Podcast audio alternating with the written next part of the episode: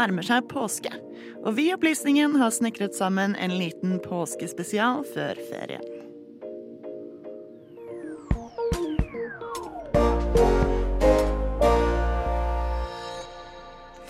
God morgen, du hører på Opplysningen her på Radio Nova. Jeg heter Amalie Sundby, og det er jeg som skal prøve å geleide deg gjennom denne påskeserien. Med meg har jeg fått vikar Selma Bull. Hei, hei. Så hyggelig at du ville være med oss i dag. Klart jeg vil. Klart jeg vil. Gleder du deg til påske? Ja, veldig. Veldig etterlengtet eh, påskeferie.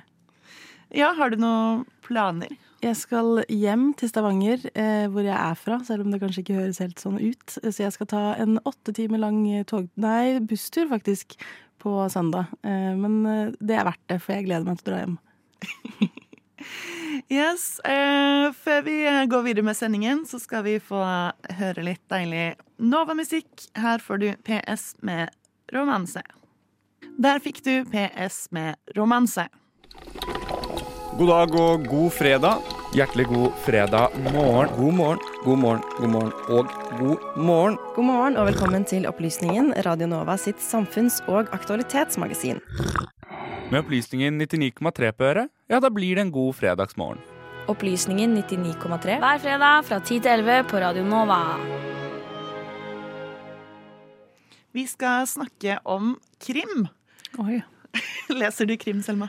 Eh, nei, men jeg ser veldig mye på krim. Å ja. eh, Har du noen eh, anbefalinger? Eh, jeg så en Det er jo en stund siden jeg så den, men hva het den? Karen Pike eller noe? Eh, på NRK, som var helt sykt bra. Eh, ny krim.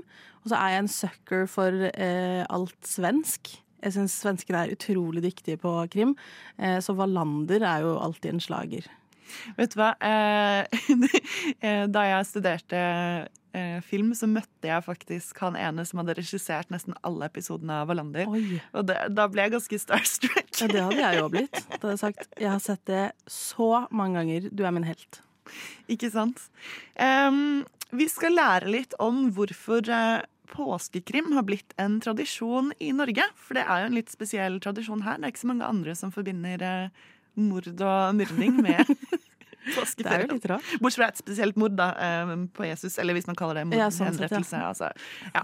Eh, Men det her får i hvert fall en reprise fra i fjor. Eh, Sander Zakaria sin sak om påskekrim.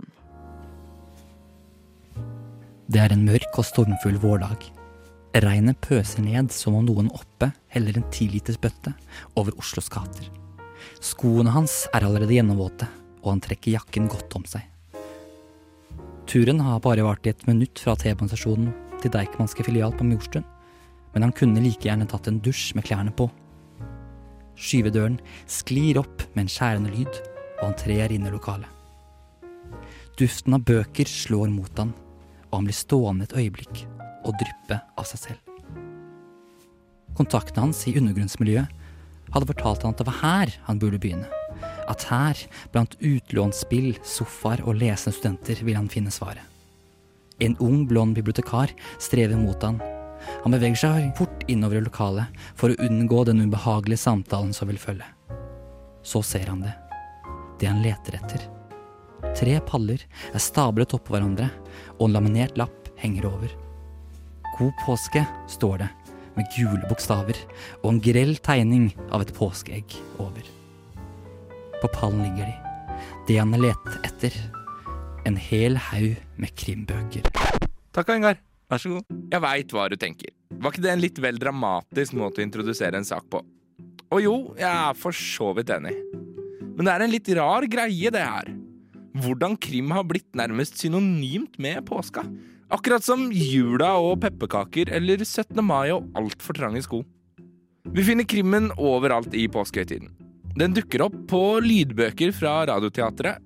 Den entrer TV-skjermen gjennom Poirot og Sherlock Holmes. Den dukker til og med opp på melkekartongen. Og sist, men ikke minst, vi får den i bokformat. Men hvorfor? Når ble påsken krimbøkenes høytid? Dette finner jeg ikke ut av aleine.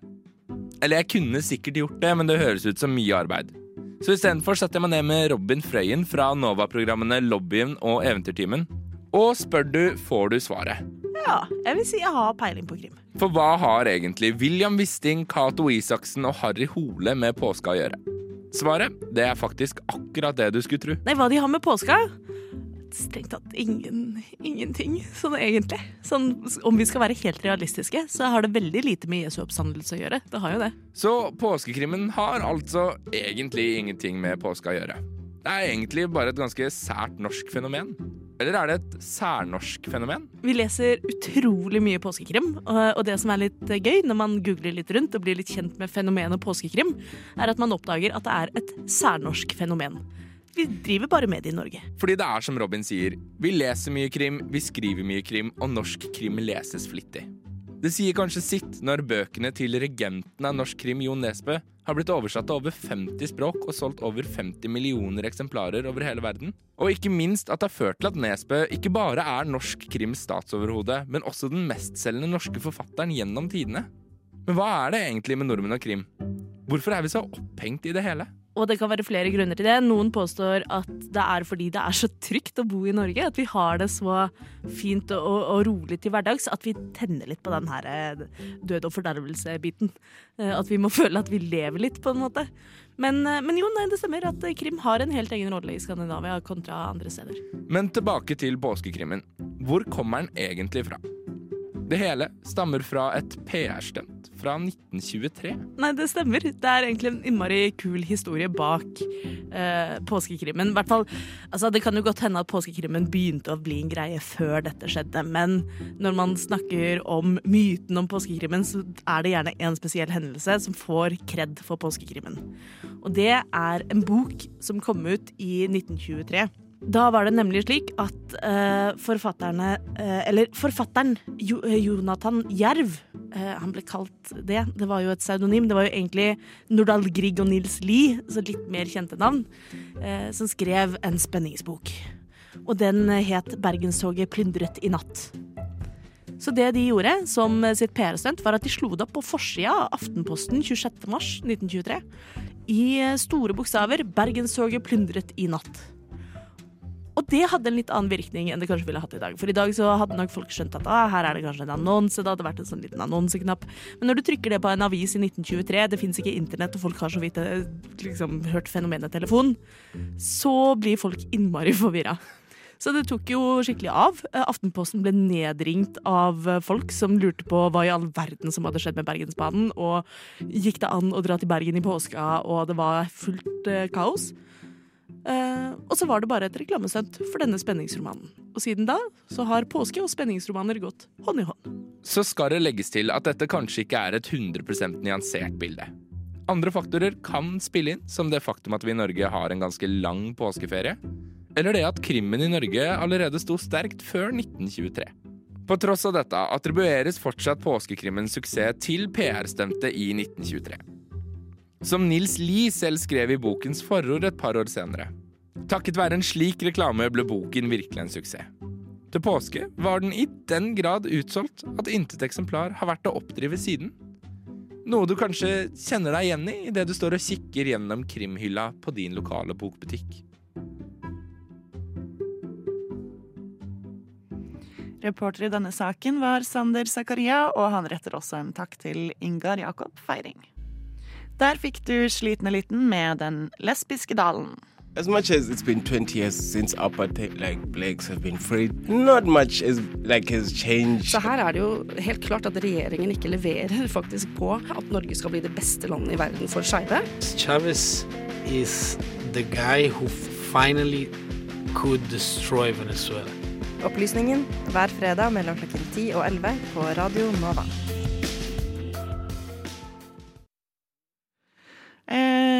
Yes, Um, da har vi lært litt mer om uh, påskekrim. Det har vi. Um, jeg syns du hadde et, en- et seertips også til uh, hva vi skal se på i sommer. Nei, i sommeren, I, i, I sommer vet jeg ikke ennå. Jeg kan komme tilbake til opplysninger nærmere sommeren. Nei, men eh, jeg så nå at det hadde kommet en ny sesong av min favorittkrim, eh, nemlig Shetland. Eh, litt dumt eh, seertips kanskje egentlig, fordi sesong én til fem er ikke tilgjengelig på NRK lenger. Men det kan jo hende at eh, det er noen stream queens der ute som klarer å finne det på en annen nettside. Men det er, det er en helt sykt bra krim. Virkelig. Og litt sånn Shetland sin natur er jo litt lik Norge, så du får et litt sånn dystert eh, vestlandsk eh, preg over det hele, som jeg er veldig fan av. En ting som jeg la merke til eh, Vi har bare sett den forrige sesongen av eh, Shetland, men eh, da har de en sånn Ute på landet der så står det en sånn herre vendingmaskin på en måte, med kaker. Mm. så jeg måtte jo google og finne ut hva er det her for noe. Det er en ekte ting. da, Hvor det liksom er Fordi um, det er lettere for folk å kjøre til den enn Ja, å kjøre en, til, inn til byen, liksom. Det er, altså jeg, eh, som jeg også la merke til når jeg har sett det nå Jeg så det med foreldrene mine når det var lockdown. Jeg bodde hjemme i Stavanger i noen uker. Eh, er at det er ganske, som sagt, Naturen er jo veldig lik Norge, men det ligger jo ikke så langt fra typ Bergen heller. Så det er en sesong hvor de faktisk, en av sakene går over til Bergen, og de har filmet masse i Bergen, eh, som er kjempekult. Eh, men det på en måte språket de snakket på Shetland før, er også veldig likt norsk. Eh, Så når de snakker med liksom gamle folk i sakene og skal liksom ta avhør av de, så er det liksom, hører du sånn at han ene sier Han skal si Istedenfor å si 'come on now kids', så sier han 'come on now Bern'. Eh, Som er liksom, det er jo basically barn. Og det syns jeg liksom er veldig fascinerende å se hvordan den liksom, språket og kulturen også er ganske likt Norge, selv om det er jo en del av Storbritannia. Syns jeg også er veldig gøy når man ser på det, da. Ja, jeg tror faktisk at vi som kan både et skandinavisk språk og engelsk, har litt lettere for å forstå den dialekta Ja, enn mange amerikanere, eksempel. Mm. Eh, vi skal straks eh, høre litt om vinterdepresjon, men eh, først så skal du få en låt av meg. Her får du Lekende lett med Klubben. Der fikk du Lekende lett med Klubben. Du, Sander? Ja. Hvorfor har du blitt så smart i det siste? Jeg vet ikke, jeg har spist epler og havregrøt. Og så har jeg hørt på opplysningen, da. På Radio Nova. Ja, hva er det du gjør for å bli smartere, Selma? Eh, leser nyheter. Hører på studentnyhetene? Hører på studentnyhetene. Jeg, jeg tror ikke jeg gjør noe sånn aktivt sånn Nå skal jeg bli smartere. Nei. Eller jo, jeg går av og til på gruble.nett eh, og øver meg på kart. Ja. Det, jeg, det var en gang jeg runda på en måte det mm, eh, kartet hvor man skulle plassere amerikanske stater. Ja. Og så gikk jeg over for å skulle lære meg Afrika. Det er umulig. Sliter veldig med det, altså. Jeg lærte meg alle amerikanske statene igjen under lockdown. Jeg vet ikke hvorfor jeg er så veldig opphengt i lockdown-eraen av livet vårt i dag. Men eh, da klarte jeg det og ble dritgod. Eh, nå husker jeg ingenting. Men eh, apropos følelsen av lockdown. Ja. Eh, det er jo kommet snø. Ikke snakk om det. Ja, fordi Hvordan får det til å føle deg, Selma? Jeg blir skikkelig sint. Sånn irrasjonelt sånn For jeg kan ikke kontrollere været. Jeg burde bare være sånn Det er kjipt, og så gå videre med dagen min. Men jeg klarer det ikke. Eh, og jeg sover på en hems, så jeg ser på en måte veldig ned på bakken eh, når jeg ser ut av vinduet når jeg våkner. Og når jeg da ser bare sånn et hvitt lag Og det er, i denne uken kom det jo mye i tillegg. Det var liksom ikke bare sånn bitte litt, det var ganske mye. Da blir jeg bare sånn Vet du hva, jeg har lyst til å avlyse denne dagen. Jeg nekter å gå ned fra hemsen, men så må jeg jo det, fordi jeg har ting jeg må gjøre. Eh, Så går jeg nedover gaten og må liksom vike fra eh, hva heter det, de som eh, måker snøen, de bilene. Og så blir jeg sånn takk for at du gjør det, men også irriterende at du må være her, for nå må jeg flytte meg fra fortauet, og jeg blir bare, jeg blir bare sur. Ja. Eh, kjenner du deg da litt igjen i begrepet vinterdepresjon? 100% 100 I hvert fall nå. Ja, hva, hva er det med vinteren som liksom tynger deg så veldig? Du har jo sagt litt allerede, men eh, Jeg tror, altså Nå begynner det å bli lyst, da, det hjelper jo litt. Men det er et eller annet med å gå lenge i mørket, og det er kaldt. Du kan ikke ha på deg de tingene du har lyst til å ha på deg. Du, du er bare sånn Jeg driter i hvordan jeg ser ut, jeg skal bare være varm. Eh, og konstant litt sånn rødsprengt i ansiktet fordi det er så kaldt. Og liksom Jeg blir bare rar av det. Eh, og har lyst til å bare sitte hjemme på sofaen og se på TV. Jeg tror ikke det er så bra for min psykiske helse heller. Man bør jo liksom helst komme seg ut, men jeg har ikke lyst til å gjøre det. Så det blir en sånn ond sirkel av at jeg ikke får gjort det jeg vet gjør at jeg blir en gladere person, på en måte. mm. Jeg kjenner meg litt igjen i det der, altså. Eh, og Vår eh, reporter Alexander har jo prøvd å utforske hva vinterdepresjon er, hva som fører til det, og kanskje prøve å se litt på hva vi kan gjøre for at det skal bli bedre. Her får du Alexander. Huff. Nå er det mørkt, kaldt og vått ute. Selv om det er litt mildere i landet vårt nå for tida enn det vanligvis er i november, så er det nok mange som begynner å føle at sommeren begynner å bli et fjernt minne. Og det er lenge til våren melder sin ankomst. Mange kan nok synes at den årstida vi er inne i nå er litt skip, og noen føler seg nok litt nedstemte. Og for noen er det så ille at eh, man kan snakke om en regelrett depresjon. Og noen opplever å bli deprimerte på omtrent samme tid på året, år etter år. Men er vinterdepresjon en eh, psykisk lidelse? Vi tok en eh, snakk med psykolog eh, Christopher Whittaker hos Modum Bad for å finne ut mer. Først av alt, hva er egentlig dette med høst- og vinterdepresjon for Norge? Er det en egentlig psykisk lidelse? Altså, jeg syns egentlig konseptet vinterdepresjon er jo et interessant i seg selv. Eh, fordi det er jo noe vi snakker veldig mye om. Det er jo for veldig mye mediedekning. Og så er det i tillegg ganske interessant at eh, folk eh, googler vinterdepresjon, eller sesongvariasjon i depressive lidelser, mye mer på vinteren når det blir mørkt, enn det de da gjør ellers i året. Så det, det åpner opp et spørsmål om vinterdepresjon er eh, noe som er faktisk, altså utbredt i befolkningen generelt, eller om det er en eller annen sånn type Hva kan man si? Ja?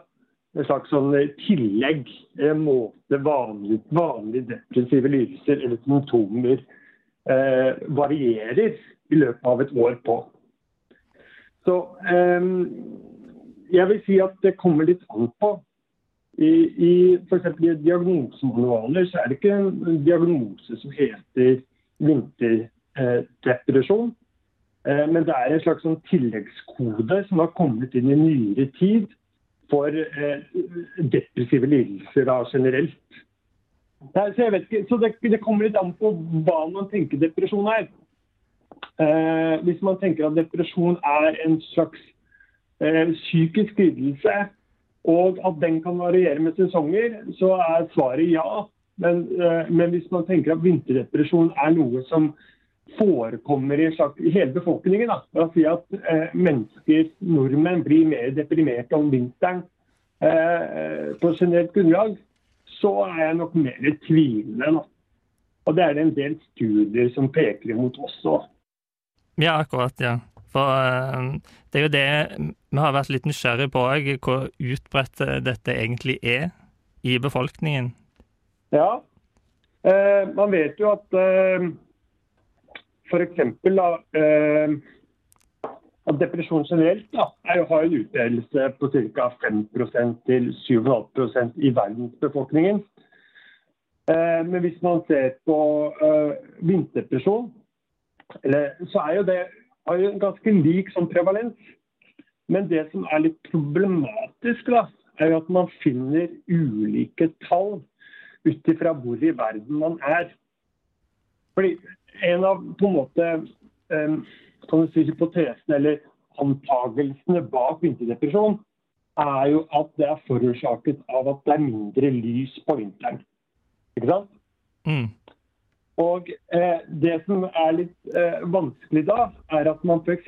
finner en høyere prevalens av såkalt vinterdepresjon eh, ved ulike breddegrader, uavhengig om det er nærmere Nordpolen eller Sørpolen, hvis du er på andre, andre halvkulen. Altså, eh, enn det du finner ellers. Så, la meg si det mer tydelig. da. F.eks. så uh, har man funnet at uh, det er 9,7% ikke sant? Altså i USA som lider av en såkalt vinterdepresjon. Mens eh, prevalensen f.eks. på Island, da, som er lengre nord, er lavere. Så ideen om en vinterdepresjon som er avhengig av breddegrad, da, gir ikke nødvendigvis helt mening. Nei. Mm. For Du ville jo trodd at, eh, at mennesker i Finnmark var mer deprimerte enn mennesker i Oslo på vinteren. Men sånn er det altså ikke. Men sånn er det altså ikke. Nei. Så studiene på vinterdepresjon, da, eller på, også på prevalens av, av depresjon avhengig av årstider, eh, overlapper ikke. Nei. Så det er ikke nødvendigvis sånn at eh, forekomsten av depresjon i befolkningen er veldig mye høyere på vinterstid enn på sommerstid. Nettopp. Det er poenget. Men, men kan man òg snakke om at det, at det er noen som får årlige depresjoner på sommerstid? Altså at det finnes noe som er liksom motsatt av vinterdepresjon? Ja. Og det er akkurat det at eh, ulike typer depresjon er ikke nødvendigvis bare på vinteren, men det er også på våren. Ja. Så sånn sett så ser du at depressive lidelser svinger med årstidene. Men grunnene til hvorfor de gjør det, er ikke nødvendigvis så tydelig som man allment går rundt og tenker om en vinterdepresjon. For hvis du snakker med nordmenn, hvis du leser media nå, bare dere, at dere har denne re re reportasjen her, sier noe om at man er veldig opptatt av at man blir mer deprimert om vinteren. Altså at det er, en, det er på sett og vis noe samfunnsmessig og noe folkelig. Det er en slags historie vi forteller oss selv om at når det blir mørkt, så blir man mer deprimert også. Så det, Ironien er jo at denne reportasjen potensielt bygger opp under denne historien om at vinter er noe man blir deprimert av. Ja, ikke sant? Det er et godt poeng. Ja, vi får prøve å eh, motvirke den eh, myten eller oppfatningen litt. grann. Jeg prøver, å, jeg prøver å gjøre mitt beste selv. Ja, ikke sant? Men eh, når folk eh, får depresjoner, enten det er på vinterstid eller på sommerstid, og det er snakk om noe man får kanskje årlig, hvordan behandler man dette?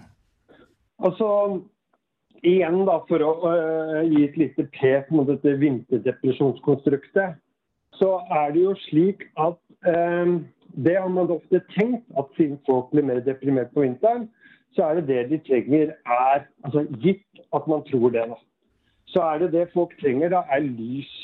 Så er det lysbehandling. Men så viser det seg jo at samtaleterapi er mer effektivt enn det lysbehandling er.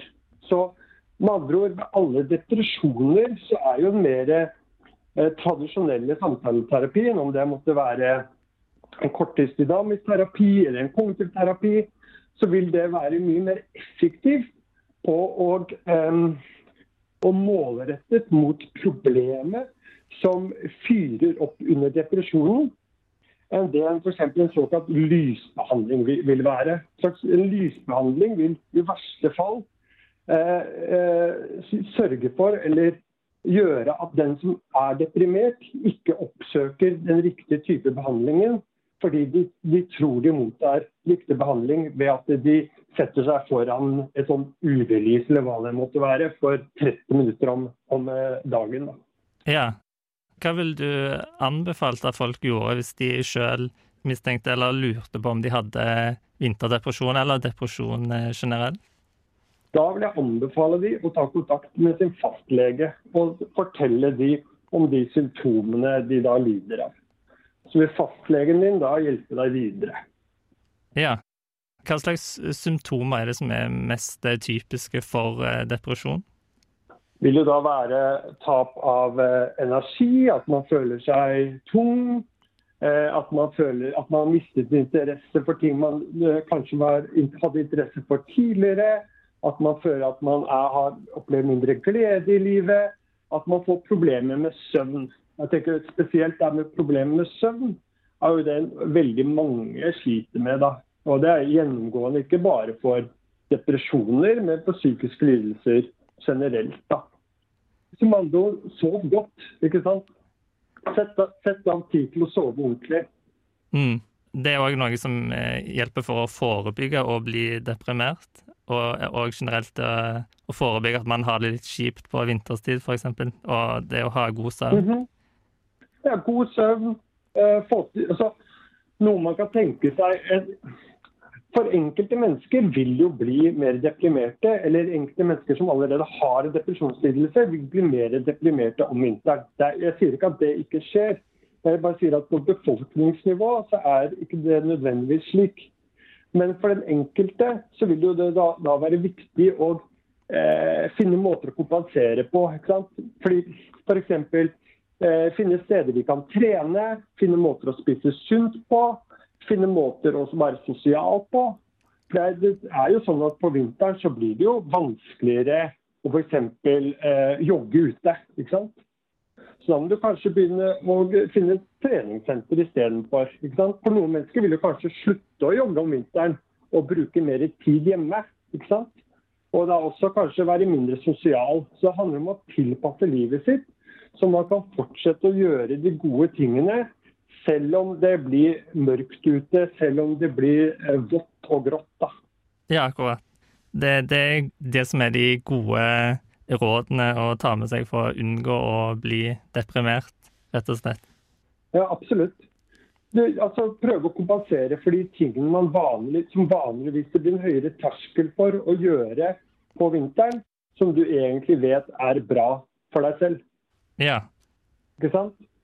Kle seg godt, ikke fryse. Altså, alle sånne typer ting eh, påvirker jo hvordan vi har det med oss selv i mye større grad enn det man kanskje er bevisst. da. Det høres ut som veldig gode oppfordringer til våre lyttere der ute. Mm -hmm. Tusen takk for at du stilte opp til dette intervjuet. Det var veldig lærerikt og interessant. Bare hyggelig. Reporter i denne saken var Alexander Klyve Gudbrandsen. Du hører på Opplysningen. Opplysningen. Opplysningen. Opplysningen. Opplysningen Opplysningen. Hver fredag mellom klokken 10 og 11. På Radio Nova.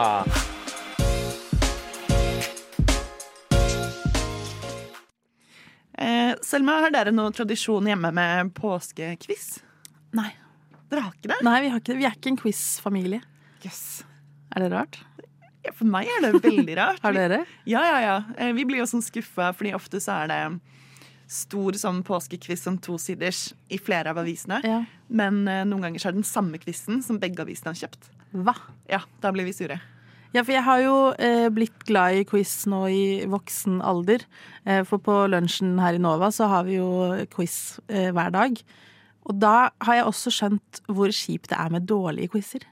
Ja. For jeg syns, Nå skal ikke jeg nevne navn på hvilken avis vi bruker, men jeg syns den ofte er utrolig irriterende. Og jeg syns også jeg abonnerer på Morgenbladet. Litt snikskryt her. Jeg er en utrolig kultivert person, jeg lover. Den syns jeg også bare er sånn provoserende, for den er så pretensiøs og sånn Det her er det ingen som kan. Nei, den er ofte ganske vanskelig, og av og til så er den feil også, faktisk. Uh, ja, altså, Sorry, Morgenbladet, men jeg, jeg må bare wine litt om det her. Uh, jeg og søsteren min tok den, uh, og så var det et spørsmål om noen som hadde vunnet en eller annen konkurranse, og så skulle vi gjette hvilken sport det var. Ja. Og så eh, sa vi eh, hesteveddeløp. Mm. Og så var fasiten ridning. Og så gikk jeg på nett og googlet denne personen, Ja. og så var det hesteveddeløp. Det er jo to ganske forskjellige ting. Ja, for ridning det føler jeg liksom, det kan jo være dressur, det kan være Ja. sprang, det kan være Ridning er en fellesbetegnelse. Ja. Og så er jo på en måte hesteveddeløp noe annet eh, enn å bare drive med ridning. Ja, altså nå husker jeg ikke om hestevedløp var det riktige ordet, men du vet sånn når de skal ri så fort de kan, og så hoppe over sånne hindre i Ja. en sånn veldig sånn britisk med sånn Mm. jockey. Det var det vi så for oss da. Vi bare kunne ikke helt ordet, men jeg tror det er veddeløp. Ja. Jeg har et forhold til min søster og eh, Morgenbladet, for i sommer så vekket jeg henne hver lørdag eh, med Morgenbladet i quizen, Men da lo vi egentlig bare av sånn Hvem kan det her? Hva slags spørsmål er det her? Ja, jeg og søsteren min pleier faktisk å få til sammen den derre Hvordan syns du selv det gikk? Ja, Eh, det er ikke så dårlig. Nei, det er faktisk ikke så dårlig. Imponert. Eh, men vi utfyller hverandre litt, da. For hun Ja. er ganske god på sånn litteratur og kunst og sånn. Det er jeg veldig dårlig på. Eh, det men det hender jo- at jeg gjetter, og så blir Ja. det riktig, og da blir jeg veldig glad. Da blir man, da blir man sånn Oi, jeg kan ting, jeg òg, faktisk. Yes, en grunn til at jeg spurte om quiz her, er at eh, jeg har snekra sammen en liten sak som jeg har valgt å kalle artig fakta om påske. Oh, yeah. Eh, og målet her er jo da at de som lytter godt og følger med, eh, kan stille sterkere på påskens mange aviskvisser. Så spiss ørene, her får du min sak Artig fakta om påske.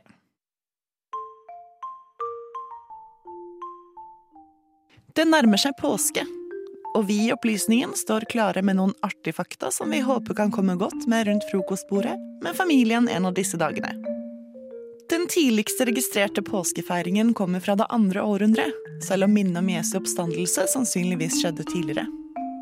Men påsken kommer jo på forskjellig tidspunkt hvert år. Hvorfor det? Jo, på kirkemøtet i Nikea i år 325 ble det nemlig bestemt at den kristne påsken skulle feires på første søndag etter første fullmåne etter vårjevndøgn.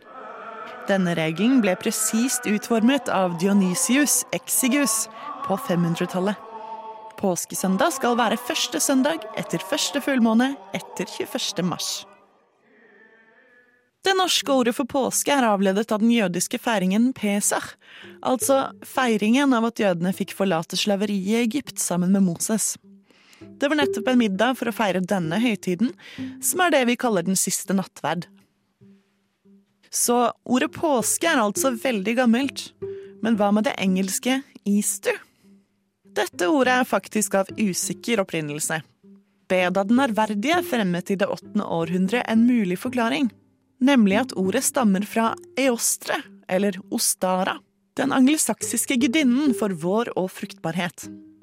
De som støtter denne forklaringen, ligger til grunn at kristne i sin tid approprierte hedenske navn og høytider. Mange nypaganister feirer ostara den dag i dag. Selv om denne forklaringen høres troverdig ut, er det ifølge Britannica-leksikonet bred enighet om at ordet egentlig stammer fra den kristne betegnelsen påskeuke, som in albis, en latinsk frase som har blitt tolket som flertall av alba, som betyr daggry, og ble til eostarum på gammeltysk, og altså easter på engelsk. Ja, jeg skjønner det ikke helt, jeg heller. I Norge handler påsken lite om Jesus og mye om kos. Og for mange er en del av kosen sentrert rundt egg. Enten de er fylt med godteri, servert smilende til frokost eller dekorert som pynt. Men hvorfor det? Den første nedskrevne bruken av dekorerte påskeegg finner vi på 1200-tallet. Og forklaringen er kanskje mer praktisk enn mange skulle tro. Kirken forbød nemlig å spise egg i uken før påskesøndag.